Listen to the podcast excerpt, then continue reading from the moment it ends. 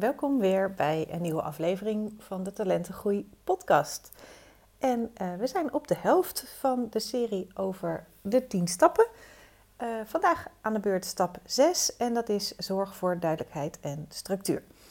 En uh, nou, ik ben deze serie eigenlijk een beetje spontaan begonnen, zoals ik in het begin heb verteld. En nou, ik had intentie om, om elke dag een podcast te plaatsen. Nou, gisteren heeft er even een dagje tussen gezeten, ehm, maar dat, dat geeft ook niet. Ehm, en nou, ik neem de afleveringen eigenlijk in, in één keer op. Ze worden ook niet geëdit, dus je hoort alles zo in de vorige aflevering hondengeblaf. Ik was juist expres naar mijn praktijkruimte gegaan, omdat nou, het is nu weekend en er zijn natuurlijk mensen thuis en we hebben zelf ook een, een hond. Dus ik dacht, ik ga lekker rustig hier zetten, zitten. En toen kwamen er dus blijkbaar buiten een paar honden elkaar tegen. Maar goed, het is wat het is. En ehm, ik hoop dat het verder goed gaat. Ik heb ook gemerkt dat er in de geluidopname een soort schuivend geluid, een beetje een kraakje zit. Ik heb al verschillende microfoontjes uitgeprobeerd. Ik heb geen idee wat het is, maar nou, ook dat is wat het is. Ik hoop dat je er nou, niet te veel last van hebt. Zoals gezegd, voor vandaag stap 6. Um, ehm, nou, we hebben het al gehad over een andere kijk. En verandering begint bij bewustwording. Dus dat is natuurlijk het, uh, het begin. Maar nou, alleen bewustwording is natuurlijk niet genoeg, want er gaat pas echt iets veranderen als je in beweging komt. Dus als je iets anders gaat doen. En niet voor niks is ook de quote bij dit boek: Als je doet wat je altijd deed, dan krijg je wat je altijd kreeg. Alweer van Albert Einstein. En uh, nou, als, als een kind ja, het anders moet gaan doen met, uh, met leren, dan zal, zal die de dingen moeten gaan toepassen en oefenen. En dat gaat natuurlijk niet vanzelf. En hierin kan je als ouder heel goed helpen door structuur en duidelijkheid aan te brengen. En ik denk, ja, ik geef dat altijd mee, want um, nou ja, het is wel duidelijk dat. Um, als je voor structuur en duidelijkheid kan zorgen, dat dat heel veel uh, nou ja, strijd en gedoe thuis kan voorkomen. Want uh, nou, uh, ook in mijn eigen gezin en in de praktijk zie ik het steeds weer. Hè, structuur geeft rust. Het, het goede oude rust, reinheid, regelmaat.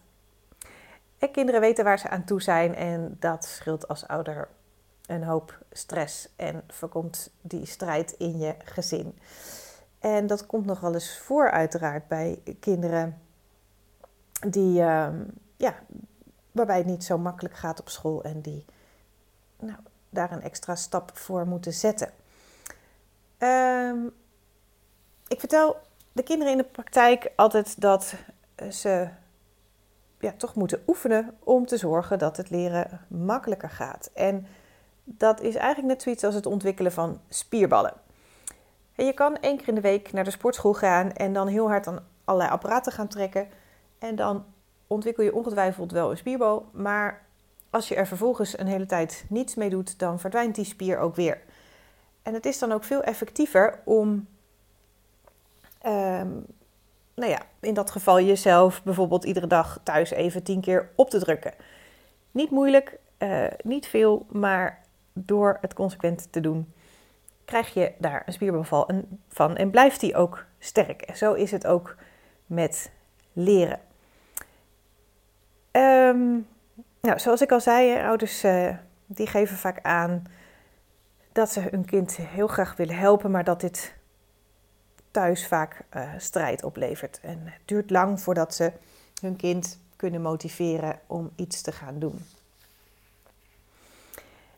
En dat ervaarde ook uh, Catharina. En uh, ik mocht haar verhaal delen in mijn boek.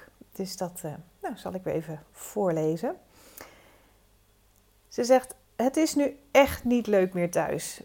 Bert heeft heel veel huiswerk van school en elke dag levert het discussie op. Hij schuift zijn huiswerk steeds voor zich uit.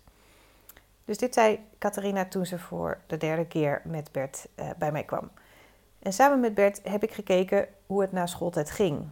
We hebben een eenvoudige tijdlijn gemaakt en in ons, in ons gesprek zei Bert dat hij uh, vaak een groot deel van de middag bezig was met zeuren over wat hij moest gaan doen. En hij realiseerde zich dat hij het huiswerk dat hij moest doen in diezelfde tijd al lang had kunnen maken. Dus hij besefte zich heel goed dat wat toch moest gebeuren, dat je dat maar beter meteen kunt gaan doen. Want dan houd je daarna tijd over voor leuke dingen. Een paar, weken, paar weken later uh, zag ik Bert en Catharina weer en zij zei: Het gaat zoveel beter. Huiswerk is geen strijd meer en ook s'avonds verloopt het omkleden en tandenpoetsen veel soepeler. Daar hadden we het niet eens over gehad, maar dat uh, kwam erbij. Ik ben zo blij dat het weer gezellig is in huis. Um, nou, een, een voorbeeld van even wat inzicht geven en uh, dingen in perspectief plaatsen. En uh, um, doordat zij een structuur hadden gemaakt van oké, na schooltijd gaan we het meteen even doen, zorgde dat ervoor dat uh, de rest van de dag veel prettiger verliep. Um, nou, meestal um, geef ik aan dat uh, het handig is om een vast moment op de dag uh, te pakken om het maken of leren of oefenen van schoolwerk te doen. Dat kan bijvoorbeeld zijn na het eten uh, of na schooltijd. En uh, dat je kind daarna lekker kan gaan spelen. En kijk, voor het ene gezin is het handig om het s s'avonds na het eten te doen. Ik heb ook een gezin begeleid wat ervoor koos om het juist s ochtends vroeg te doen. Um, omdat moeder en, en, zoon toch vroeg wakker waren. Dus kijk wat, wat voor jou past. Maar een vast moment geeft die structuur en zorgt dat er minder gedoe komt. Dus dat is één ding. Um, iets anders wat prettig is, is um, geef je kind autonomie. Want kinderen hebben net als volwassenen behoefte aan autonomie. En ze willen gewoon het gevoel hebben dat ze iets kunnen kiezen. Wees als ouder wel duidelijk hè, dat je kind bepaalde taken in huis moet doen. Of dat je kind um, de oefeningen doet. En of het nou voor leren is, of voor logopedie, of fysiotherapie, of wat dan ook. Hè, um, dat is geen punt van, discussie. Maar wel kun je uh, met je kind overleggen wat hij of zij het fijnste vindt. Brainstorm samen en kijk welke optie uh, voor zowel uh, jouzelf als voor je kind het beste past. En die gemaakte afspraak die kun je vastleggen door deze op te schrijven of te tekenen. En dat kun je ook weer je kind laten doen natuurlijk. Dus um, in dat geval, als je het ergens hebt uh, ophangen, dan bij een dreigende discussie, zou ik maar zeggen, dan hoef je alleen maar te wijzen naar uh, dat papiertje en dan weet je kind, oh ja, dat hadden we afgesproken. Um, nou, vraag aan jou. In welke situatie bij jou thuis zou je uh, een stap kunnen maken in het aanbrengen van iets meer structuur of duidelijkheid?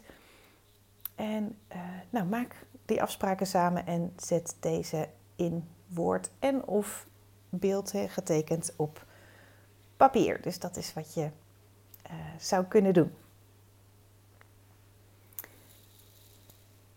Dankjewel voor het luisteren en uh, heel graag uh, tot de volgende aflevering.